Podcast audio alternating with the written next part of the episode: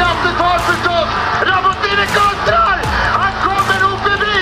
Han gör ju det! Och han vinner ändå etappen som det ser ut! Han vinner ändå! Det är ju helt makalöst! Dette er Gruppo Compato, en podkast fra Sykkelmagasinet med Jarle Fredagsvik og Jonas Lindstrøm. Velkommen tilbake i studio, Jarle. Deilig å være tilbake. Er du hentet deg inn etter eh, klassikerne? Ja, det vil jeg si. Eh, Ja, vi er jo halvveis inne i Gil d'Italia nå. Og det er der du, har, du ligger litt foran resten av oss. Ja, Det er der det neste støtet kommer. Ja. Er det småbarnslivet eller eh, sykkellivet som er tøffest? Eh, Det er vel småbarnslivet. Ja. Sykkellivet er jo bare gøy. Det er piece of cake. Småbarnslivet kan være utfordrende. Nok om det. Velkommen til lytterne våre også. Eh, tilbake igjen nå. Vi eh, hørte vel fra oss sist rett før Flandern rundt. Eh, hvor vi plukket eh, feil vinnerkan vinnerkandidat begge to, Jarle. Og verre var det vel med jokerne våre. De forsvant eh, ut omtrent før vi var ute av nøytral sone, gjorde de ikke det? Ja, Iversby Widerberg hadde Søren Krag, og var det noen som hadde Madoua? Det var du, eller? Jeg hadde må. Ok, Og jeg, da? Eh, hva i alle dager var det du plukka opp? Jo, jeg tror jeg var sleiva ut av Markus Solgaard. Ja. Han starta vel ikke engang. Nei, sånn, sånn kan det gå. Sånn kan det gå. Så ikke ta sånn der altfor mye bettingtips eh, direkte fra denne podkasten her. Vi står eh, ikke personlig ansvarlig for noen konkurser der ute. Du, nå er jeg nede i null. Er du nede i null? hos uh, en uh, tippeaktør som jeg ikke skal nevne navnet på. Jeg klinka jo inn, uh, tradisjonen tro, vinneren i Omloop Het Newsblad.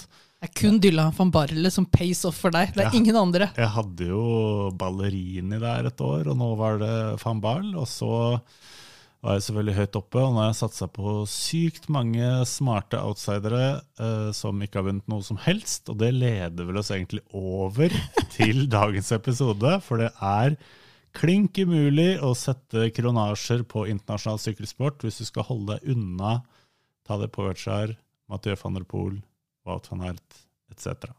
Ja, for nå har vi kommet oss gjennom eh, klassikerne, og du hadde Tadej Pogacar i Flandern.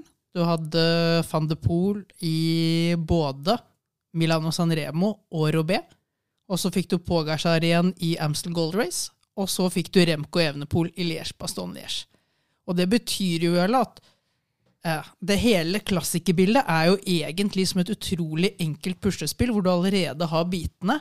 Du vet bare, Det er bare spørsmål hvor du skal sette de sammen. Og så finner du ut, når du er ferdig med det hele puslespillet, at pokker, dette her er jo et Ikea-puslespill. Jeg sitter igjen med én bit til overs. Så går du rundt og så ser, men skulle ikke han herre Wout van Aert egentlig pla bli plassert et eller annet sted? Og du går liksom gjennom et par ganger, og så må du bare innse at nei, vet du hva, den biten her var til overs denne gangen, får gå i søpla. Ja, men han har jo plassert seg, han. På alle semiklassikerne. Ja, men han vant jo. Det er litt morsomt. Han står faktisk med én seier i år, fra E3 Hardbecke. Resten har han eh, gitt til Christoffer Laporte. Ja, ja, resten er stort sett andre- og tredjeplasser, da. Ja. Så han har jo ikke gjort det dårlig, men uh, gikk mot neat. eller, eller hva han sa for noe. Jeg må ingenting. Nei, Nei, du nei. må ingenting, Wout. Du må ingenting. Nei, men det er fortsatt i stang ut, altså.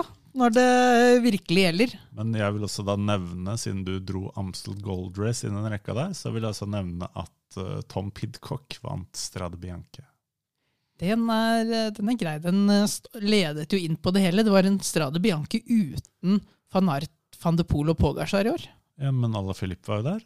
Jo, det er jo som å Yesterday's News. ja, men altså, En biff er god, men hvis du får uh, To. to dagers biffen, så er den ikke like god som en fersk uh, spenstig biff. Todagersbiffen, det må jeg tenke på. Ja, Det får du tenke på. Uh, men dette er jo litt det vi skal uh, prate om i dag. Ja, hvis vi skal sette en agenda, er jo vi har kommet ut fra klassikeren, og vi ser igjen at det er de store, store rytterne uh, som ikke bare vinner, de do dominerer, de herjer, de avgjør tidlig. Hvor mange ryttere var det vi fikk se i TV-bildet de siste 100 km i Paris-Roubais? Det var ikke mange etter at de gikk til der. Det var et bitte, bitte liten andel av eh, feltet vi fikk se. Resten var utenfor TV-tid de siste to timene. Og dermed så skal vi jo eh, på en måte vri det vi har sett, denne dominansen og den utviklingen eh, vi har både i klassikerne og som vi har sett litt over tid, og prate om det. Disse her superdominante lagene. To, tre, kanskje vi skal opp i fire stormakter. Hvordan de spinner rundt eh, sine helt unike talenter, eh, og hvordan noen av de hamstrer eh, mer enn andre eh, på disse rytterne. Hvordan de bruker dem gjennom sesongen for alltid å være der oppe. Og så det siste eh, punktet som vi på en måte skal inn på inni den her, er jo også hvordan de da planlegger for fremtiden. Hvordan du ser det nå bygges lag med et mye lengre perspektiv enn man gjorde tidligere. Eh, og hvorvidt det er et bevis på at eh, det nå er sikrere fundament ute i lagene på økonomiske rammer, eller om det bygges eh, potensielle luftslott der i fremtiden. Så jeg tenker denne her, Det kan jo skli litt ut i flere retninger, men da har vi på en måte satt hovedtema for episoden. da. Og så må vi jo bare si først som sist at vi sitter jo ikke og griner for at vi får se dueller mellom Wout van Ert, Mathieu van der Poel, Tadej Pogacar uh, uke ut og uke inn. Det er jo grisegøy. Sånn sett skal vi være takknemlige for at vi, vi har disse stjernene. Og så er de helt særegne typer. Eh, altså, innimellom kan du lure på han Pogacar, er han Grand Tour-rytter, eller er han endagers uh, klassikerekspert, eller hva er han for noe? Altså, han er jo alt. Hadde du sagt til disse her, eh, som har elsket sykkelsporten nede i Belgia i hele, en mannsalder, hvis du hadde fortalt de for 5-10-15 år siden at en Tour de France-vinner eh, ikke bare skulle utfordre klassikerrytterne opp Ode Kvaremont. Han skulle pulverisere dem fullstendig. Og selv om de setter personlige rekorder opp der, så er det ikke i nærheten av å følge denne Tour de France-vinneren. Da tror jeg mange som hadde satt uh, pommes fritesen og ølen i, i halsen. Og så har de jo sett dette, Hvis de er belgere, har de sett det før, kanskje? Hvis de er gamle. Ja, altså, du har jo Du skal leve det Hvis du har hatt en, et langt mannsalder, eh, gode, gamle Hinot-dagene og ikke minst Merksdagene mm. Hinot brydde seg ikke så veldig mye om det. Han tok, han tok det en gang eller to, og så var han ferdig med det. Og så må jeg bare si at det er veldig lett å bli historieløse. Vi kommer til å være det innimellom i denne podkasten her. Fordi uh, sykkelsporten har hatt mange forskjellige perioder. Og, mm. og, og, en ting som vi sikkert uh, er innom, er det med å åpne finalen tidlig. Og i 2015 og 2016 så sa bl.a. Stein Ørn at dette var et mottrekk mot Alexander Kristoff. Han, var så, mm. han var så sterk i avslutninga si. Eh, Tom Bowden og Fabian Cancellara f.eks., og veldig mange før de, elska jo å åpne finalen tidlig. Ja. Altså det het jo Bonenberg av en grunn. Gode, gode, gode Tyenberg. Som nå heter Benotberg, gjør ikke det? er det han som har fått nye? Det syns jeg, eh, synes jeg har fått billig. Og, og, det er selvfølgelig en altså du, du, må jo utnytte den spisskompetansen du har. Det, det, er jo viktig innenfor sykkelsporten. Og er du god i eh, kuperte motbakker, så er det der du drar til. Og er du kjøresterk og liker å gyve løs på flat brostein eller på flatene, så er det der du setter inn støtet. Har du en strålende spurt, så bruker du den.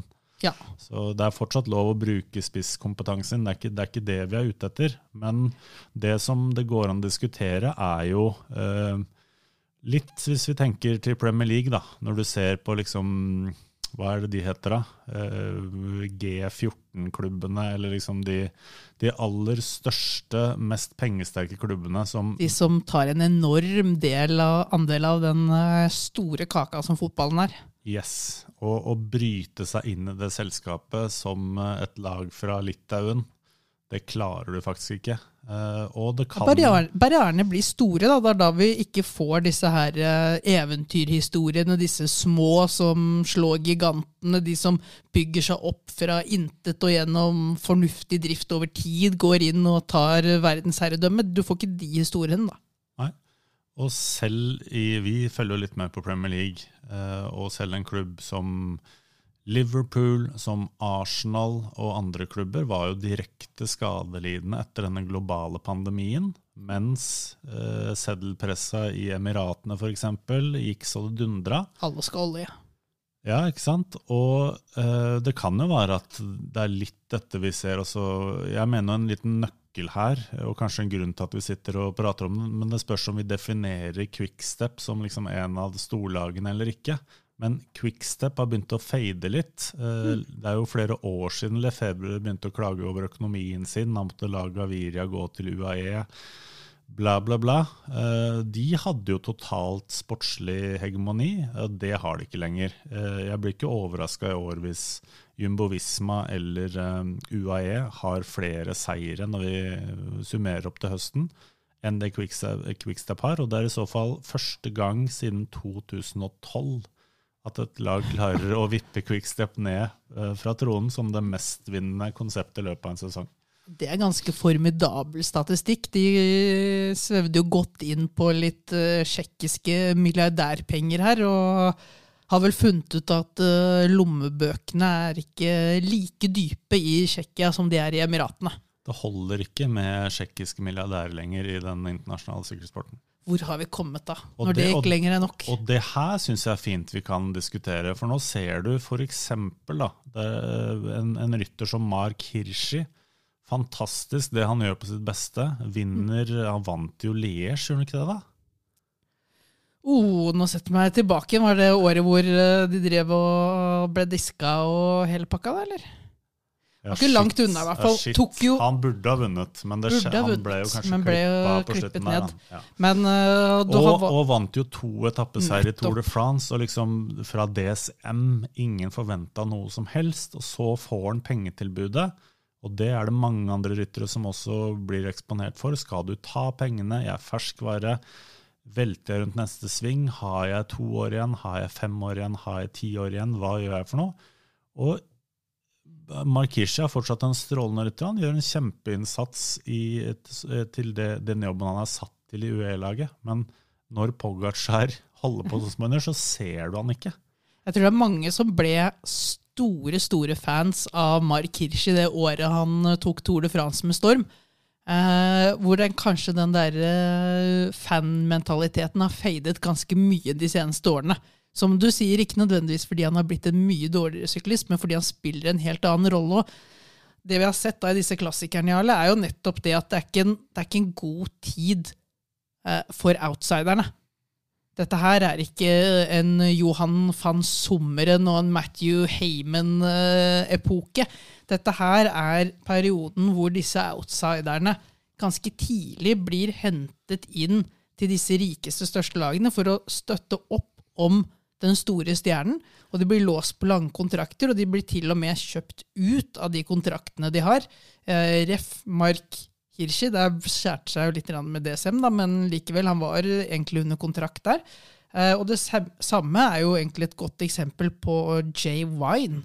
Der hadde du jo nå et alpisin-lag som begynner å begynte å nærme seg sånn kvalitetsmessig storlag med Mathieu van de Poel, med Jasper Philipsen, som har tatt ytterligere steg i år, og så hadde du Jay Vine, som plutselig dominerte i, i fjellene.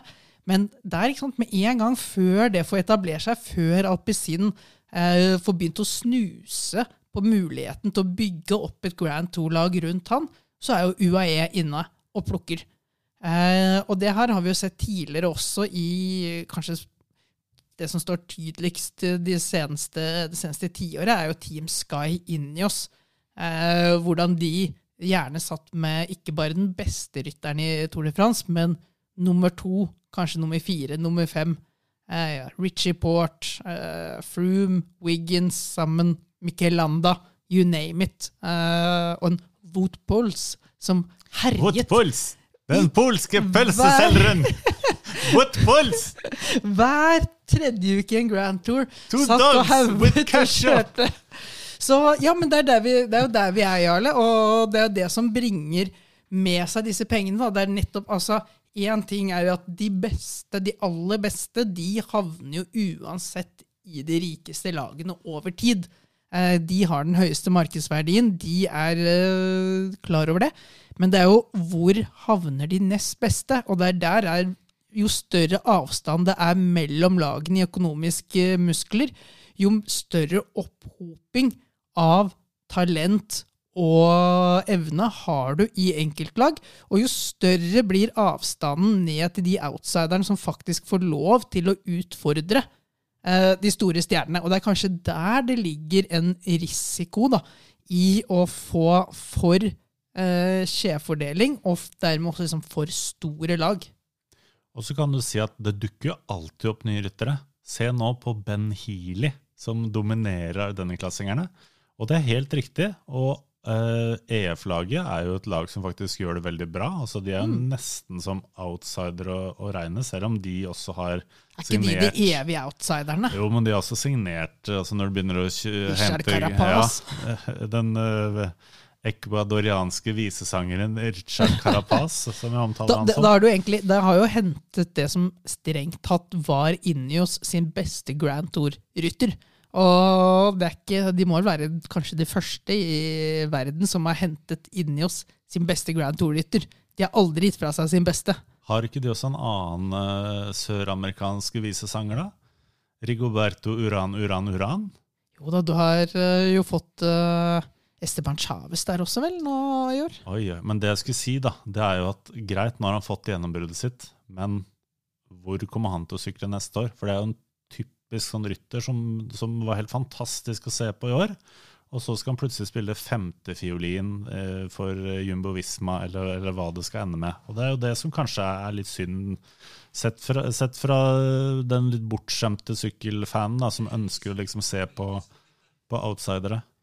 Ja, og det er det, det jeg tenker uh, her. Det er nettopp det perspektivet uh, vi har. Dette her med å eh, se nye lag utfordre, få fram stjerner og klare å holde på dem. Og eh, det er jo der at det er på en måte uttrykket det er, eh, det er dyrt å være fattig. Det er jo det som kommer inn i sykkelsporten nå. Det er dyrt å være fattig, i den grad at får du tak i store talenter, så får du de på ettårs- og toårskontrakter, som i sykkelsporten har vært veldig normalt. Mens disse storlagene de kjører på med lange kontrakter. Og sånn sett så er det jo deilig å se da, at vi har enkelttilfeller her hvor, uh, hvor, også litt mindre lag er i ferd med å få signert uh, sine store talenter på lengre kontrakter. og uh, Uno X er jo et av de lagene som skal ha litt honnør for nettopp det. Å få sine på lengre kontrakter. og og det, og det, er jo veien fram, da, slik som sykkelsporten er nå. Så er det det der å få uh, Så lenge du har dette gapet, så lenge du har disse store pengemaskinene som henter inn de største talentene, binder de opp over lang tid i håp om at de blir den neste store, men med en plan B om at hvis det ikke skulle slå til, så blir de i hvert fall den neste store, sin beste hjelperytter. Uh, så det er liksom Det er eh, en kamp der i meg, for jeg elsker også, som du sier, å se disse store stjernene åpne ballet. Jeg elsker alle at det er utrolig lenge siden noen har spurt meg når, når er målgang, egentlig? Bare sånn at de kan ja, sette, ja. på, sette, på, rittet de siste fem-ti minuttene og få med seg spurten til slutt. Du kan ikke gjøre det nå. Setter du på de siste fem-ti minuttene, så har dette vært uh, avgjort for lenge siden. Men jeg savner litt mer av det taktiske spillet, litt mer at disse outsiderne får sin mulighet. Eh, og så tror jeg også at dette her det er litt sånn der trend som uh, kommer og går. For nå er det sånn ok, vi har alle innsett at vi må angripe supertidlig. Komme i forkant av disse som går tidlig. Og så vil alle det samme, og så bruker de 100-150 km i disse klassikerne på bare å nøytralisere hverandres angrep. Og så sier uh, superstjerne tusen takk, da, vi, da lukter vi målstrekene et par timer unna. Nå tar vi det herifra. Så det tror jeg på en måte Du vil alltid komme opp med taktikk, mot taktikk. Det er jo sånn et, et spill fungerer. Eh, men akkurat nå så føler jeg at i denne sesongen her så står outsiderne ganske fastlåst og har ikke klart å knekke koden på hvordan de skal eh, ta og angripe disse stormaktene. Og med stormaktene Jarle, så snakker vi vel om eh, Jumbo Visma, vi mm. snakker om UAE, og så skal kanskje da Quickstep og Inios få eh, en plass, men på et, eh, et, nivå under de to første. Oh, ja.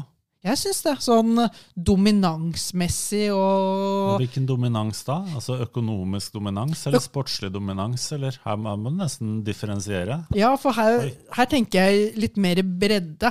Eh, altså, Jumbo Visma har jo bredden i form av at de har eh, Wout van Aert og Christophe Laporte, to av de aller beste klassikerrytterne. Så du er mest på vårklassikerne? Nei, men i, Nei, okay. på, i Grand Tour også, du har Jonas Wingegård og Primus Roglic. Der har du to Grand Tour-vinner-ryttere. I tillegg så har du bygget opp med ryttere som Kreuzweig, som har vært nære på å vinne Grand Tour. Du har en Tobias Foss, som er verdensmester i tempo. Eh, og så unner de seg alltid eh, en spurter. Er det ikke Dylan Gronewegen, så er det Olav Koi. Eh, ikke sant? De, de har hele tiden der, så de bygger noe som gjør at de er relevant hele året.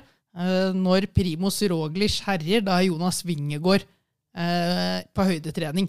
Eh, med en gang Primus Roglic er ferdig med sin rittperiode, opp i høyden, kommer Jonas Wingegård tilbake, så her er han i de rittene som er der. Så er det alltid på en måte en Jumbo Visma-rytter. Det er jæklig vanskelig å slå. Og det samme litt med UAE også. De har ikke bygd like bredt, i, bredt når det kommer til klassikerne. Men de har jo fortsatt liksom en Matheo Trentin og en uh, Mark Hirschi å bygge rundt en Tadej Pogasjar som eh, spiser eh, alt som eh, blir servert han. Eh, og i tillegg da til han så har du som jeg snakket om, du har Jay Wine, du har en Adam Yates, du har en Brandon McNulty, du har en Juan Ayoso. Altså hvor, hvor bredt er det ikke? Og med vinnertyper. Der du har Quickstep, som har også bredden og folk som vinner, men gjerne på litt lavere nivå nå. Det er ikke snakk om veldig mange andre enn Remco Evenepool som vinner eh, sammendrag i etapperitt. Og i klassikerne så er det jo også Remco Evenepool de må lene seg på. Så er de jo fortsatt veldig veldig sterke i massespurtene. Mens Ineos har pengene, de har bredden i troppen, de har talentet, alt mulig. Men de har slitt da med å eh, egentlig plukke ut den absolutte eneren. De har det på sett og vis i Tom Pidcock, men det er på en måte den lille, lille hylla under eh, van Art, van der Poel, Pogasjar. Så de sliter med, og Evenepool de sliter liksom med at de fikk ikke kloa i disse enerne. eh, som de har vært vant til å få tidligere. Så Derfor holder jeg de to et lite nivå under Jumbo Visma og UAE. Men når du nevner Ineos, da, jeg har prøvd å se litt på, på budsjettall, og det er litt vanskelig å, å få tak i, faktisk. Jeg så det var en liste i Gazzetta dello Sport som veldig mange påpekte at den er riv ruskende galt, og så fant jeg en sånn oversikt hvor det liksom skulle stå budsjettene øh, som var skrevet av en for så vidt anerkjent sykkeljournalist, men som jeg heller ikke følte stemte i det hele tatt. Det virker som liksom, lista er jo lagt av Ineos, som i hvert fall eh, fra, fra 2019 og et par år ut, uh, etter det hadde anslagsvis rundt 50 millioner euro i årlig budsjett. Og så leste jeg nå nylig, for nå har det vært snakk om at, uh, at Jumbo, vel, supermarkedskjeden, eh, kanskje skal avslutte sitt sponsorat i Jumbo Visma. Og da ble det rapportert om at, at hele satsingen, altså herrelaget, kvinnelaget, skøytelagene og utviklingslaget, hadde en samla pott på 36 millioner euro.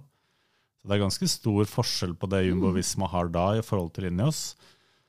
Eh, Jeg har også lest at Sodal Quickstep skal ha rundt 35 millioner euro. Jeg syns det hørtes litt høyt ut, i hvert fall med tanke på hvor mye Patrick Lefebvre klager. Eh, og så vil jeg jo kanskje tippe at, og der har jeg ikke lest noe sted, men UAE, kanskje de begynner å nærme seg 40 millioner eller noe sånt? da. Nei, Jeg tror nok i hvert fall det. Og det Ja. men, men Og så har du jo de, de som er i bunnen, på en måte. da, Cofidis annet. DSM har vel eh, generelt et ganske lavt budsjett. Antermarché har jo hatt det, men de har klatra litt oppover. Men de minste World Tour-lagene har vel et sted mellom sånn Før så var det vel 10 millioner euro, men jeg tror kanskje ikke det holder lenger. Så kanskje det begynner å nærme seg 15, de minste. alt har blitt mye dyrere. Én ting er også hva du har i budsjett. Eh, en annen ting er jo fleksibiliteten til de økonomiske musklene som ligger bak. Hvis du er bundet opp i avtale med eksterne sponsorer, eh, så har du på en måte du har veldig fastlåste rammer. Og da kan du jo på en måte, du kan legge en solid plan, du kan skaffe deg bra, men når det da plutselig skjer noe eksepsjonelt, da, en eller annen unggutt i et mindre lag klinker til og viser seg Dette er jo potensielt neste nye. Ta Arnaud Delis da, som et eksempel. I, Ja, hvor, sykler han, eh, hvor sykler han neste kontraktsperiode? Det er nettopp det. Da er det jo da er det en stor fordel å ha eh, nærhet mellom lederskapet og pengene. Eh, og hvis du da har litt fleksibel, at det er ikke kanskje en sponsor som står bak, det er nærmest en hel nasjon, da, som i UAE, med et nærmest utømmelig fond eh, bak, så er det på en måte greit å skru til litt for å få tak i denne her, og så bruker du heller litt tid da, på å bli kvitt eh, litt sånn dødkjøtt som har tatt, tatt en del av lønnslista. Så det der å kunne flekse litt opp og ned da, i økonomisk eh, kraft, jeg tror det er eh, Sammen med hva faktisk beløpet er, så er det utrolig viktig i den verden vi lever i nå, hvor, eh, som vi ser, da, har du ikke en av de fem-seks store rytterne i verden, så sliter du veldig med å vinne de største rittene. Jeg har bare lyst til å kommentere litt her, siden uh, du nevnte Ineos, som har opplagt det største budsjettet. Eh, sånn sett så skuffer jo de litt sånn sportslig. Selv om de var veldig bra i vårklassikerne i fjor, så klarte de ikke helt å følge opp der i år. Og så vil jeg også si at uh, vi som følger over snittet mye med på f.eks. Tour de l'Avenir altså Det var jo to stykker som pekte seg veldig ut der en gang i tiden. ene var Tadej Pogacar, som gikk til UAE, og som virkelig har levert varene. Nå er jo han skada. Andre var jo Egan Bernal, og, Absolutt. Som også har vunnet Tour de France, eh, men som var eh, involvert i en veldig kraftig eh, ulykke når han var hjemme i Colombia og trente, og som enda ikke er oppe på hesten igjen. Så Og så har, du, så har du Remco Evenepool, som var så god at han kjørte aldri Tour de l'Avenir, for han kjørte heller og vant Classica San Sebastian han i hans Yes. første år som eh, seniorrytter. Men jeg, jeg syns vi kan ta også litt sånn bakgrunnen, eh, eller i hvert fall deler av bakgrunnen til hvorfor vi sitter og diskuterer det her. Eh, og det, mm, det har jo vært en eh, diskusjon, i hvert fall i sosiale medier, om salary caps, eller lønnstak, eller budsjettak, eller hva du vil kalle det. Eh, og disse diskusjonene dukker jo opp ved jevne mellomrom. altså Vincenzo Nibali snakka jo om det her i Jeg tror jeg 2015 eller noe sånt, når Froomey drev og dominerte Tour de France. Eh, Skylaget hadde klippekort på alle Tour de France-vinnerne. Starta med Wiggins i, i 2012, og så tok jo Froomey over, og selv Drain Thomas vant jo Tour de France for dette Skylaget. Og så dukka det opp igjen nå, for det, var en, eh, det er en uh, Brussel-basert uh, franskspråklig avis, uh, hvis jeg kan, kan kalle det det, som heter La Dernière Ør. Eh, de fant fram kalkulatoren, og dette må jo være noe etter ditt eh, hjerte, Jonas. Alt men, med kalkulator like. eh, ja. Og de kom fram til, og da satte de grensa ved Paris-Roubais, tror jeg. Og da så du på, på alle World Tour-rittene, og det som er meldt ut derfra, da Jeg jeg har ikke helt fått disse tallene til å stemme, men de skrev at 73% av World Tour-rittene var vunnet av UAE, Jumbo Visma, Alpezin de König eller Sodal Quickstep. Ja. Så da tok jo ikke de med uh, f.eks. Ineos oss i, i den, sin topp fire, da. Men det er jo en belgisk avis, så ok, der, eh, der tok de med van de Poel i stedet. Det kan jeg forstå. Og de gjorde, også et poeng ut av at Astana, Antermarché, Gropama, Arkea Samsic og Ajdus R ikke hadde fått en eneste seier på World Tour-nivå. Og da tror jeg de også har vært inne på liksom alle etappevinnere fra Down Under, UAE Tour, Catalonia. Jeg har ikke kikka på det når jeg har sett på tallene her. Så hadde de snakka med Vincent Lavenu i Arche Dessert, Marc Madiot i Gropama Eftersjø og Maxim Monfort i Lotto Destiny. Eh, Og da kommer jo Madio med sitt utspill og mener at eh, for oss er det helt umulig å konkurrere. Vi har David Godu. vi gjør det beste vi kan, men uansett hva vi prøver på, så er det lag med fire-fem GC-kapteiner som knuser oss. Vi må få lønnstak i sykkelsporten for å få eh, bygd ned disse enorme forskjellene mellom lagene. Og denne tweeten, eller denne nyhetsartikkelen, den tok jo også Jens Haugland i Unex og skrev eh, 'min fulle støtte til Mark Madiot'. Og sånn som min verden henger sammen da, så tenker jeg at det er litt sånn skjult irritasjon eller åpen irritasjon fordi UnoX hadde lyst på Tobias Foss, men ble liksom møtt av de samme lagene inni oss. Bahrain, UAE, altså han har verdensmestertittel. Du, kan få- du kan få hva du vil eh, for å sykle for oss omtrent. Eh, og på den lista da, med de 19 uh, World Tour-rittene som de hadde gjennomgikk, så, eh, så var jo faktisk Tom Pidcock da, var jo et unntak, siden han ikke var med på de lagene de fulgte med på. Han vant jo Strade Bianche. Og så har du en som ikke jeg vet hvem er omtrent, eh, Marius Meyerhofer, som Ja. vant eh, Unggutten. I DSM, DSM. så vant uh, Cadel Evans Great Ocean Road Race. Uh, og så kikka jeg et par år tilbake i tid, det gikk ikke så veldig langt i tid, men hvis du har 2022 da, fram til uh, der vi er nå på kalenderen um, Og da var jo Innios veldig gode, så det har egentlig latt de være en av big four or five. jeg mm. Men da har du Matej Moric, eh, Sergio Higita, Binyam Girmay og Dylan Tøns. De eh, vant i World Tour fram til og med Ardennene. I 2021 så hadde du f.eks. Max Schachmann. Han vant vel Paris-Nice. Jasper Støven, Adam Yates og Sam Bennett. 2020 var jo covid, så den, den tar litt sånn bort fra ligninga. Eh, 2019 var det litt mer eh, forskjell, kanskje, men da får du også disse altså Daryl Impey, og da er det jo Australia, ikke sant? så du har noen sånne geografiske variasjoner. Yes. Miguel Angel Lopez, han har også vunnet veldig mye i år, men er kanskje ikke helt på Ikke på det nivået han har vunnet tidligere. Alexander Kristoff, Alberto Bettiol, holdt jeg på å si Contador, men jeg sier Bettiol. John Isagirre, Felix Grosschartner og Jakob Fuglsang. Så der var det kanskje Litt litt, mer blanda, Ja. blanda drops. Så sånn sett så, så støtter det kanskje litt opp om, om teorien, da, at eh, det har blitt enda mer komprimert på toppen de siste årene. Det, det stemmer jo sikkert også, det. Ja, og jeg, jeg kan jo virkelig forstå forstå disse hjertesukkene også. Eh, og da er vi jo inni altså, eh, Ser vi på hva Jens Haugland og Uno X har gjort, så har de jo bygget seg opp eh, sakte, men sikkert. De prøver jo å være denne eventyrhistorien. De prøver jo å ha en eh, helt unik eh, tilnærming med dette danske og norske. Eh, som bare gjennomsyrer eh, 100% på herresiden.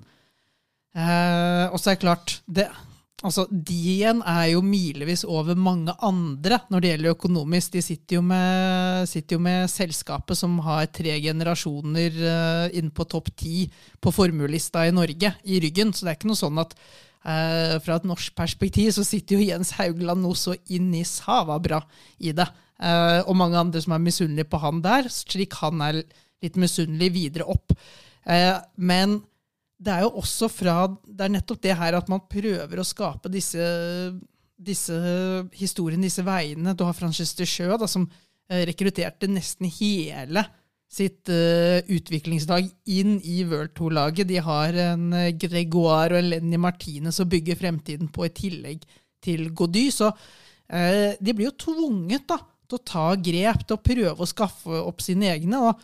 Eh, Så lenge det er en fair mulighet for dem til å beholde disse rytterne, også etter de har fått sitt gjennombrudd på toppnivå, så syns ikke jeg at dette er noe krise. Problemet kommer med en gang de kan eh, alle andre kan begynne å støvsuge markedet, litt på den måten Rosenborg holdt på for en 20 år siden. Rosenborg-forskjellene skylda nå. Ja, men ikke sant? De drev og støvsugde markedet for alle norske øh, fotballspillere som ville opp og fram, og øh, ikke nødvendigvis ut i utlandet. Og litt det samme er jo hvis du kan gjøre det på stor skala. Da, bare støvsuge opp markedet for de aller beste rytterne.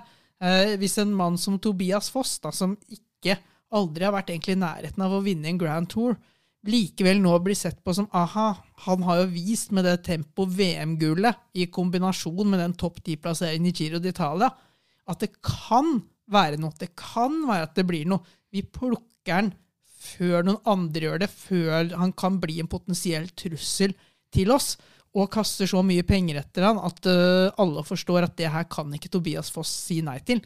Da syns jeg vi begynner å få et problem, for da kan du på en måte nærmest kjøpe deg ut Du kan nærmest kjøpe en rytters sportslige ambisjoner for å putte vedkommende inn på et lavere nivå i ditt hierarki enn han ville fått i andre lag, og sånn sett eh, ikke bare bygge eget lag for å styrke muligheten til å vinne, men også bygge ned konkurrentene for å skape en mindre konkurranse om seieren.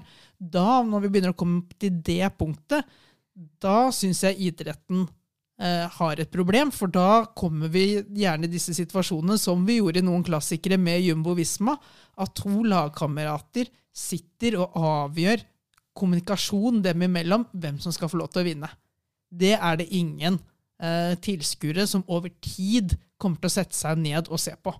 Så det er på en måte det skillet for meg, da, når det blir så stor avstand at du kan kjøpe deg til mindre konkurranse, eh, kontra det at du må jobbe litt smart og litt for eh, fremoverrettet for å få til. For det er jo det også vi må si her, Jarl, at det er ikke slik at verken Jumbo Visma eller UAE har kommet inn og bare støvsugd markedet for de beste rytterne som finnes der. Dette er jo ryttere de har hentet inn i ganske ung alder, som de har utviklet eh, selv, og som de har sikret seg over tid. Det er jo, eh, hvis du skal bruke et litt sånn flåste uttrykk som selvutviklede ryttere, så er det jo i stor grad det. Det er bare nå spørsmålet begynner de å hente for mange av disse selvutviklede rytterne fra andre lag for å bygge rundt sine egne. Ja, altså Hva heter han eh, sloveneren som du er så fan av? Jan Tratnik. Jan Er jo en, eh, men det skal de ha ros for. Altså den der eh, Forvandle gråstein til gull, da. Ja. Eh, det har de vært gode på. Da, alle er jo nødt til å tenke på Christoffer Laporte når de hører det her. fordi han, rett nok var han en eh, jeg vil si lovende spurter ja, i Cofidis-laget. Ja. Men, men det nivået han er på nå, det er jo helt eh, Helt ellevilt. Og så tror jeg det er eh, Jeg tror dette er ganske sammensatt. da, og det er litt sånn eh, Med det som vi ønsker å, å diskutere med denne podkasten, så er kanskje headline litt sånn eh, sprikende. For det er, det er så lett å liksom klage på sånn det er nå. Vi husker jo når, når Team Sky kjørte lokomotivet sitt oppover fjellhyllene, så var det ingen som likte det heller. Og så kommer det, den diskusjonen med trening. ikke sant? Nå er det liksom eh, digitalisering, og det er moderne, og du kan lese hva konkurrenten din holder på med på Strava. Og vi har snakka om at alle rytterne er nesten på samme sportslige nivå. Det er derfor det ikke blir noe utskillelse, og det gjør det liksom for Det er liksom en annen type kritikk. Eh, Men så ser vi jo igjen da, at vi har noen helt spesielle utøvere på toppen her. som Vi kan jo si at alle er like godt trent, men det ekstra nivået, den ekstra dimensjonen de største har, er så, er så sinnssyk. Og så litt igjen over til fotball. altså Det er et lag som heter Newcastle, som har ø, havna oppi pengesuppa til Saudi-Arabia. Som har fått inn en høyst ordinær britisk trener, spør du meg, som har gjort gode kjøp, og som har Eh, greit, de har masse penger, men de har liksom på sin egen måte bygd opp et, et velfungerende storlag. Og litt som du var inne på, der um, UAE Team Emirates, en av de smarteste overgangene de gjorde, det var kanskje i januar 2018, for da kom talentspeider eh, numero uno eh, fra Quickstep inn portene. Vanskelig navn, Joxia Machin Fernandes, tidligere sportsdirektør for både Mapei og Team Scott American Beef, som du kanskje kjenner bedre som Sonnier Duval. Duval. Også vært sportsdirektør i Lamper Merida i to sesonger, men det ble vel litt for kjedelig for han, så han eh, dro videre til Quickstep og var eh, talentspeider der i tre år. Henta bl.a. Uh, Gaviria, eh, Narvaez eh, det var den tiden også hvor de drev og bygde opp eh, et fantastisk utviklingslag, hvor Holgård-brødrene gikk gjennom Julian Alaphilippe, Remi Cavagna. Eh, og han eh, Alvaro Hodge, eller kaller vi han Hodeg, tror vi på den her skrivefeilen. Ja, det, det kan du velge hva du vil. Han har vært uh, usynlig lenge, så du har, har så relevant før nå igjen. Nei. Uh, og han gikk jo da altså videre til UAE, og etter at han kom dit, så henta de jo Gavira og Hodeg eh, Hodge for øvrig eh, fra, fra Quickstep. Da hadde han jo mer penger. Eh, Pogacar selvfølgelig, Rui og Ivo Oliveira, Jasper Philipsen, Juan Sebastian Molano, som har fått et lite gjennombrudd denne sesongen. Brand Brandon McNulty, Juan Ayuso, Mark Hirschi, Finn Fisher Black.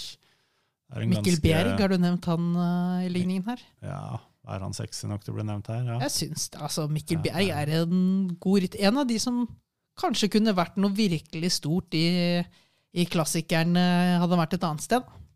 Mens uh, Jumbo Visma jobber jo selvfølgelig meget godt med sitt eget utviklingslag. Da. Så der har jo de De henter jo norske 17-åringer fra Sande eh, som er gode i terrengsykling og, og breier seg voldsomt. Vi kan jo ikke fortsette å nevne Jørgen Nordhagen i hver episode, men uh, det var en fin, fin seier han hadde i Italia. Det var nydelig. Den var nydelig. Og det er jo det som du er inne på her, det, eller det er det som er verdt når vi snakker disse pengene.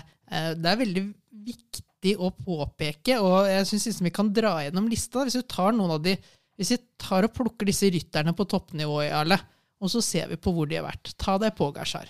Vært i UAE hele sin karriere. Remco Evenepool vært i Quickstep-laget hele sin karriere. Jonas Wingegård vært i Jumbo Visma hele sin karriere. Wout van Art var et litt sånn omdiskutert uh, kjøp inne i bildet der, men i sin uh, World Tour-karriere har han kun vært i Jumbo Visma. Mathieu van de Poel vært i sitt alpesinlag med diverse navn det har hatt opp igjennom, hele tiden. Primus Roglic, helt siden han begynte å vise talent på land, landeveissykkelen, så har han hatt sine proffdager i Jumbo Visma. Så det er ikke noe sånn at som vi er, det er ikke at de har støvsugd opp de aller beste fra de rundt. De har utviklet sine egne. Og så har du da de to tilleggspunktene. Det er nettopp at de plukker eh, de mest lovende konkurrentene fra andre lag. eh, Minimerer eh, motstanden der. Og nummer to, at de nå har gjort eh, at det er villere og villere kamp økonomisk og alt annet om stadig yngre og yngre ryttere. Så de gjør det jo vanskeligere for de andre lagene å finne sine egne Pogacar og Vingegård eh, der ute, ved å prøve å snappe de opp allerede som 16-17-åringer og få de inn i sitt eget system. Og sånn sett, litt som vi ser i en del fotballklubber som Chelsea f.eks., bare skaffer en en haug av talenter inn, og så får det heller bli litt sånn bruk og kaste ut de som ikke fungerer, og oppheve, opphøye de som fungerer til eh, nye stjerner. Så det er, ikke, det er ikke det at de har så mye penger at de bare kaster seg rundt og kjøper det beste av det beste og får en slags Galacticos-greie. De bygger også opp eget, og derfor så er det jo nettopp det der å hente inn de riktige menneskene, da. Sånn som UAE fant ut at de skulle gjøre med eh, vår spanske eh, venn her. Maskin. Hvis vi ser litt på individuell seiersranking, altså hvilke rytter er det som uh, henter flest uh, seire? Uh, 2023 i år, da, da har vi jo kommet til um, Ardennene på den oversikten. Uh, Tadej Pogacar har tolv seire allerede. Jonas Wingegård åtte. Primoz Roglic sju. Tim Merlier fem. Har fire. Van de Poel har to. Og at van Ert har én. Det var vi inne på. Eh, Det skal sies at van de Poel har jo San Remo og Paris-Roubaix, så det er vel greit Skal, nok. hvis du skal velge å vrake, så er det kanskje de to du plukker, da. Men hvis du ser uh, mestvinnende rytter eh, både i 2021 eh, og 2022, var faktisk Tadej Pogacar. Mm. Og han har tolv seire hittil i år. Hva Eh, endte han på i 2022 totalt? Har du det? For det, han må jo være på god kurs nå, i hvert fall før han uh, skada seg i Liège-Baston-Liège til å overgå sine egne tall fra tidligere. Han har ikke satt i gang med Grand Tours engang, det han skal være aller best på. Jeg tror ikke jeg har det her nå, men uh, i den litt vanskelige 2020-sesongen, uh, kan jeg si, da vant han jo Tour de France første gang. Allerede der så var han jo inne, um, inne i topp fem. Så de siste fire åra har jo han nesten vært altså Totalt sett så har han vært den mestvinnende rytteren innenfor sykkelsporten. Og altså den appetitten hans er jo helt uh, spinnvill. Og jeg mener også et, et annet moment i diskusjonen her er jo litt sånn hva er det folk vil ha? Hva er det arrangørene vil ha? Og tidligere eh, så ville du kanskje ha den derre feiden, eh, grønn trøye, eh, Greipel mot Cavendish, det årelange rivaleriet etter at de ble uvenner i, innenfor HTC-laget og gikk hver sin vei. Men hvis du ser på hvordan Grand Tours designes nå, da, så skal det godt gjøres å være den arrangøren som Nei, i år så tror jeg vi tar tolv flate etapper. Vi lager en skikkelig spurtfest. Altså de, Noen år tilbake nå så har du liksom designa det for Alain Philippe. Nå er vel han litt på retur. I 2021 eh, var det vel, eller var det 2022? 2021 var det. Da kom jo um, van der Poel og uh, i hvert fall van der Poel inn for fullt. da. Det var vel kanskje den andre Tour de France til van Ert, var det ikke det? Men i hvert fall, de, de gikk bananas i den første uka der, eh, og det var jo akkurat det folk ville ha. Så altså en prolog og så to flate massespurter. Du kan selvfølgelig eh, åpne Tour de France-utgaven sånn, men, men, det gjøres ikke så ofte lenger, med mindre du starter i Danmark, da. Fikk jeg sagt det òg? Så, og, og det, det, er den ene tingen. Og så er det også, som du nevner, altså hvor lenge har disse rytterne vært i de respektive konseptene sine. Altså Se på markedsverdien til Mathieu van der Poel. Mm -hmm. Alpezin de var et annet lag tidligere. Nå er, nå er det ved van der Poel. The König var også et annet lag tidligere. Nå er de ved van der Poel. Og Canyon, som eh, er ganske markedsledende Uh, utstyrsleverandør, uh, rammemaker, hvis jeg kan kalle det det, uh, har også knytta seg tett på Mathieu van der Poel. selvfølgelig også med Wout van Art, med Jumbo Visma. Og lanseringen av disse butikkjedene inn i Belgia. Da var det mm. jo det var jo ikke rocket science at de da trengte en, en, diger belgisk profil. Så hva folk vil ha, hva arrangørene ønsker seg, hva som utvilsomt er de største duellene, og hva slags typer som til enhver tid finnes innenfor hovedfeltet, og hvor tilpasningsdyktige og versatile er disse. Altså, mm. Uh, Wout van Ert kan jo gjøre alt på en sykkel uten å vinne for tida, men uh, han prøver i hvert fall så godt han kan. Han prøver veldig godt, og der har du jo et veldig godt poeng også. Og, men det er jo der man må uh, få gi noen av disse lagene litt anerkjennelse, da. Uh, og grunnen til at det er så viktig at de jobber med disse talentutviklingene og heller får hente disse ungguttene, veldig er jo at du ser jo også hva som skjer hvis man ikke henger med i tiden. da. Vi har vært inne på Injos her, som hadde Chris Froome eh, som hang fast i det lenge. Og så hadde man jo for så vidt funnet sin etterfølger i Egan Bernal. da. Eh, men det hadde satset mer litt på ett kort eh, der, og det kortet eh, hadde litt uflaks, rett og slett. Eh, du ser Bora-laget, som hadde eh, ufattelig gode dager med Peter Sagan mens han var på topp. Plutselig så så henger du i litt for lenge i den merkevaren der, bruker litt for store midler der istedenfor å tenke på det nye. Og nå har du et, et Båra-lag som uh, for så vidt har mye bra, men som er litt profilløst. Lite grann uh, grått i feltet, om man kan si det.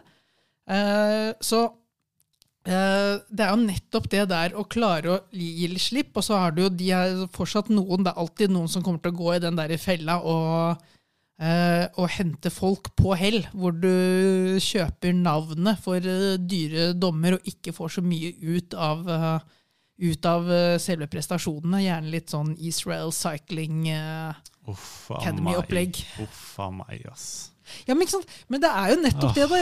Det er jo der det kommer inn. Det er det som skjer når du har penger, men ikke en strategi handlingsplan ja, ja, og, og de riktige. Så det er ikke det, Jeg syns liksom det er viktig å dra opp, for det viser at det økonomiske muskler i seg selv er ikke nok. Men når du tar de økonomiske eh, musklene, så sørger du for å først bruke de på å bygge opp et team med kompetanse. Da kan du få en ganske udødelig eh, kombinasjon som det er utrolig eh, vanskelig å vanskelig å ta tak i. Altså når du får dyktige folk som kan eh, spille på easy mode, da, som det jo tross alt er når du har så mye penger, da blir det vanskelig å slå de ned fra toppen. Da. Men tror, du, tror du spurternes tid ikke er forbi, men er det liksom er det nesten litt sånn ut å være verdens raskeste spurter, eller tror du vi i framtiden liksom får opp en ny uh, Det får vi helt sikkert, Ja. men altså en, en, en, en rytter som har en sånn øh, aura rundt seg, og som liksom tar rommet litt, sånn som vi har blitt så veldig bortskjemt uh, fra med Mark Cavendish, da, som også klarte å, å sitte på toppen der så utrolig lenge. Og før han så hadde vi jo Petacchi, ikke sant? Vi har hatt uh, Cipollini. Erik Sabel eh, Jeg, jeg, jeg Men, det- tror men det jeg tenkte jeg skulle spørre deg om, liksom, Ja. hvis du skal peke på uh, hvem er liksom verdens beste spurter nå? Det er ikke bare enkelt. Det er ikke bare enkelt. du har enkelt. liksom en del av de etablerte navnene, og så har du de som kommer opp underfra. Men hvis du skal si liksom den rytteren i år som tar fem etappeseier under Tour de France, det er Da måtte jeg sagt Jasper Philipsen. Og skulle jeg, skulle, jeg gjort, skulle jeg gjort det, så er det sånn OK Hvis jeg skal begynne å nevne det, det er Jasper Philipsen, du har Fabio Jacobsen, du har Team uh, Merlier som noen av de store der. Og så er det sånn Hvem er Olav Koi. Men hvem, hvem er disse som mennesker? Caleb Ewan har du jo Ja, fortsatt der også. ikke sant? Men ja. det, det er det du sier, det er jo de profilene. Hvem er profiler også utenfor sykkelsetet? Og der jeg har jeg vært inne på det. Jeg tror dette kommer til å gå, eh, gå i trender. Akkurat nå er kanskje ikke disse massespurtene det kuleste i verden, men husk fortsatt, det har jo fascinert mennesker i evigheten. Det er folk som kniver skulder til skulder 60-70 km i timen. Eh, det er velt, det er eh, lyd, det er fart. Eh, alt det som eh, selger. Så eh, bare få de riktige personlighetene eh, av de spurterne som eh, kommer fram eh, i fremtiden, om de som har de riktige personlighetene til å fange publikum, så tror jeg absolutt at eh, det kan komme tilbake igjen på moten.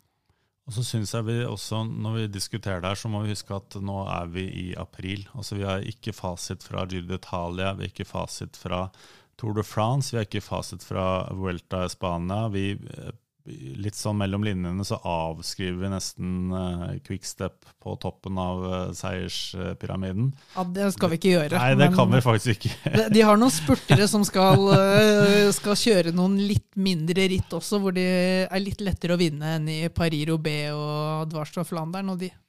Jeg tenker også litt tilbake på den der nesten fatale ulykken fra Polen rundt i 2020. Altså Dylan Grønevegen eh, fra høyre og Fabio Jacobsen fra, fra venstre. Og de var jo borte lange perioder begge to, naturlig nok. Og det var jo de heteste og kanskje to av de mest gale frontfigurene og spurterne vi hadde. Så Det var, da var vi på fei, i ferd med å gå inn i en litt sånn gyllen generasjon av spurter igjen. Hvor det var kniving. Det var uh, tøft. Men uh, ja, det, det handler liksom om hvem som er de store profilene. Som du sier, man bygger litt løyper etter å få de fram. Og så handler det også om hva de kan gi verdi. For da øh, et, uh, Hvor mye er det man kan bygge et lag rundt en spurter.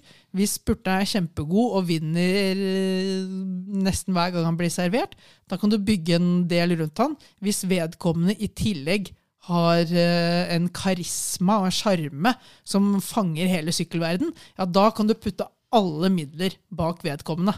Uh, har han ikke sjarm, sånn, så har du ikke helt råd til det. Du har ikke råd til Du skal selge en totalpakke. Du må huske at dette her er ikke bare idrettsutøvere, idrettslag, prestasjonsgrupper. Dette her er også markedsføringstiltak. Det er billboards eh, rullende rundt gjennom landskapet. Så du må ha den kombinasjonen, og akkurat nå har vi ikke de spurterne. Og det tror jeg også eh, liksom, Jeg kunne gått motsatt. Hadde alle hadde Tadej Pogacar eh, og, alle og Remco Evenepool og alle de vært som Jonas Wingegård, så kunne du, hadde vi igjen vært litt der vi var i Chris Froome-æraen, hvor du har eh, de beste rytterne er likevel ikke de som er høyest elsket, eller de folk nødvendigvis ønsker å se kjempe om seieren hele tiden. Da var vi ganske fornøyd med å få noen halvharde etapper og noen spurtetapper hvor eh, Peter Sagan og Mark Cavendish kunne stjele spotlighten, for du hadde ikke lyst til å høre Chris Froome levere intervjuer fem dager på rad. Det fikk du ingenting ut av. Jonas Wingård er egentlig ganske kjedelig. Ja, det er jo så Også litt- tørt og traurig som du får det. Også litt som type, fordi han Ja. setter Tour de France øverst på sesongplanen sin, og så er det det hele året dreier seg om. Han har vært så vidt innom Liège og Lombardia, men jeg skjønner ikke hvorfor han ikke skal sykle mer endagsklassikere. Mulig er det, mulig er det øh, et, øh, en ting han ønsker å gjøre på litt lengre sikt, men han går litt sånn tilbake til den Sky-æraen, hvor du liksom starter med Algarve, og så skal du kjøre Paris-Nice, så skal du kjøre Baskeland, så skal du ha Dauphiné eller uh, Tour de Suisse, og så er det ikke plass til så veldig mye, mye enn det på Nei. programmet. Og det var jo sånn Lance holdt på også, selv om vi også har sett han i han i Liège. trenger ikke å dra noe, noe større sammenligning mellom de to. Nei, nei, Eh, for all del. Men, men eh, Roglic også har jo lite fokus utenom etapperittene. Nå skulle han sykle Giro d'Italia og valgte å stå over Liège. Det er greit nok, han har pleid å være med i Liège. Ja, han har plukka litt men, eh, underveis, men unntaket her er jo Pogacar, som Ja. er liksom competitive nå fra Strade Bianche og ut Ardennene. Og så slapper han av litt, og så begynner han å dunke løs i Slovenia rundt, og så er han helt på topp i, i Tour de France. Og i år så kommer jo VM også, ikke at det nødvendigvis er noe Pogacar-løype, men rytterne som, som velger Tour de France eh, denne gangen, da, kommer til å være ganske, ganske fit for fight når, eh, når regnbuetrøya skal deles ut også. Nei, så det, det, det jeg tenker, sånn har du at uh, det, er, det er jo den unikiteten der, da. At du har så mange ryttere nå som har uh, presterer og har dette medietekket. Eh? Du har en ta deg Pogacar. Eh, det er en coolness, et eller annet man ikke helt får tak på, men som bare trekker folk inn. Du har det definitivt med Mathieu van de Poel, som føles litt ut som en av en av folket, og så har du en uh, Wout van Ert som bare gjør så utrolig mye i både fjell og kortere bakker og brostein og alt mulig, så du blir liksom bare sittende og måpe av hvilken maskin han er. Og så har du Primos Rogli, som er den der klassiske outsideren, skihopperen som tok sykkelverden med storm, som enten vinner eller velter. Eh, er jo én av to. Og så har du Remco Evenepool, den derre wonderkiden som eh, skjeller ut alle ryttere som eh, sitter på hjul og nekter å delta, og som sier før han deltar i Liège-Baston-Liège at nå gleder jeg meg til å kjøre dette rittet her i verdensmester, tror jeg, sånn at jeg kan få et nytt kult profilbilde på Instagram. Ikke sant? Det er jo litt typer. ikke sant? Og da har du jo, Når du da har liksom dominans sportslig, og du har dominans i karismaen ut, så blir det vel, totalbildet blir så sterkt at det overskygger en god del andre. Eh, men det kommer alltid andre ryttere. Det kommer alltid en typer som Wingegård, som tar for seg, men som samtidig eh, levner rom til andre. Eh, så det går opp og ned. Det følger personligheter i sykkelsporten, og sånn sett så eh, tror jeg ikke at eh, det vi ser i dag, nødvendigvis er en fasit på hvordan sporten er om fem år eller ti år. Så det er ingen grunn for eh, en Madiot eller en Haugland til å grave seg ned og vifte med det hvite flagget. Det er heller ingen grunn eh, for Jumbo Visma eller UAE til å, å bare sette seg opp på sin høye hest og forvente evig dominans. Ting forandrer seg ganske raskt i dette gamet her. Uh, og man må rett og slett være kreativ. Man må finne ut hva som fungerer i morgen. Om ti år så har vi en norsk Pogacar. Tror du det? Jørgen Nordhagen. Jeg er litt usikker på om han tar for seg på samme måte som dette det her, men kanskje vi har en norsk Jonas Wingegård igjen? Hvis vi, ja, det kan vi få. Uh, hvis vi ser litt på i forhold til dominansen igjen, da. Uh, statistikken så langt i år. Uh, Jumbo Visma 23 seire. Quickstep 21. UAE Team Airmates 20. Så de tre følger hverandre veldig tett. EF Education har faktisk 14. Uh, Ineos har 12. Hvis vi ser på tallene fra i fjor, da hadde Quickstep 49. Det er, de aldri, det, er det, ja, det er et av de laveste tallene jeg har sett på de. Jumbo Visma 48, UAE 48, Ineos 39, Bora 39. Eh, og hvis vi går noen år tilbake i tid, eh, 20, 2018, Quickstep 73 seire. Ikke sant? Så da kan du snakke om enda større dominans sånn kvantitativt fra et, eh, et lag. Og Jumbo Visma var nummer, de kom inn på andreplass med 51 seire i 2019. Det er egentlig der de begynte å komme inn i bildet for alvor. Og så må vi selvfølgelig huske på at dette har vært Rabobank, de het Belkin Altså, de hadde jo noen år hvor de bare En av de dårligste de var Intermarché i altså, hvem, hvem var det som fløy rundt i ørkenen i 40 år? Var det Moses? Ja, kanskje det. Ja. Det var noe rundt, eh, rundt det du følte at eh, de var inni. De løp rundt og lette etter vann, men de fant ingenting før de fant en, Før de, fant, før de kom til supermarked. før de, før de fant en utviklingsoase i Robert de Groot. Ja, men sånn sett så er det jo Det er gode og det er dårlige ting. Det har vært det med alle perioder. Vi hadde en periode her hvor inni oss eide Grand Tours fullstendig. Ja, det begynte å bli kjedelig. Det tror jeg veldig mange syns begynte å bli kjedelig. Sånn sett så er det jo det å bare få inn to lag da, som Ja. konkurrerer tøft, det er jo i seg selv eh, spennende. Eh, den dagen vi får Remco Evenepool til eh, Tour de France i tillegg, så vi kanskje begynner å snakke tre lag og kandidater, da begynner liksom å bygge enda litt mer opp. Så Og Egan Bernal er fullt ut restituert. ja, da begynner vi å snakke. og blir. Backet opp av Carlos Rodriguez og Daniel Felipe Martinez. Vi får se om uh, Rodriguez blir værende. Men eh, ellers, ja. Nei, ikke sant. Ting snur. Det Vi må huske, vi skal ikke mange år tilbake da Egan Bernal vant Tour de France som eh, yngste på nesten noensinne i Tour de France. Og folk begynte bare å snakke om hvor mange skal han ta. Når passerer han Chris Froome? Den dagen i dag så du, får du ganske god odds på at Egan Bernal noen gang skal vinne Tour de France igjen. Min påstand det blir aldri kjedelig å se Tadej Pogacar vinne sykkelritt. Det er eh, godt, Jarle. Vi noterer den ned, og så får vi la fremtiden, eh, Og fremtiden vise hva som er rett. Og så skal ikke vi sitte her og klage fordi vi har Pogacar versus eh, Evenepool i Liège, og nå går vi inn i Giro d'Italia og vi får Roglic mot Evenepool. Det er fantastisk at vi har disse tungvekts, tungvektsduellene. Så Det er nettopp det. Da, det er hoppe vanskelig å bette, men det er lett å skrive preview. helt sant. Og så kan man kose seg da med mellomslagene på hvor de store møter opp og slår seg imellom. Så får man Tour de Romandie og sånt, hvor det blir litt mer åpent, og man plutselig ikke aner Da er det plutselig en gjeng med folk som aldri pleier å vinne, som skal gjøre opp om seieren. Så sykkelsporten rommer nok til at øh, det er øh, noe til de fleste. Eh, og det tror jeg vi skal være glad for. At ikke øh, vi snakker bare en 10 10-15 ritt i løpet av året av øh, betydning. Da hadde alt øh, Da hadde nok alt smuldret litt opp og sett mer ut som andre idretter. Så hva, hva konkluderer vi med til slutt, Jarl, når vi nå samler Gruppo Compato? Er vi, er vi heldige som får leve i tiden vi gjør, og så får bare outsiderne stille seg litt i kø og håpe at morgendagen er litt lysere for dem enn dagen i dag er?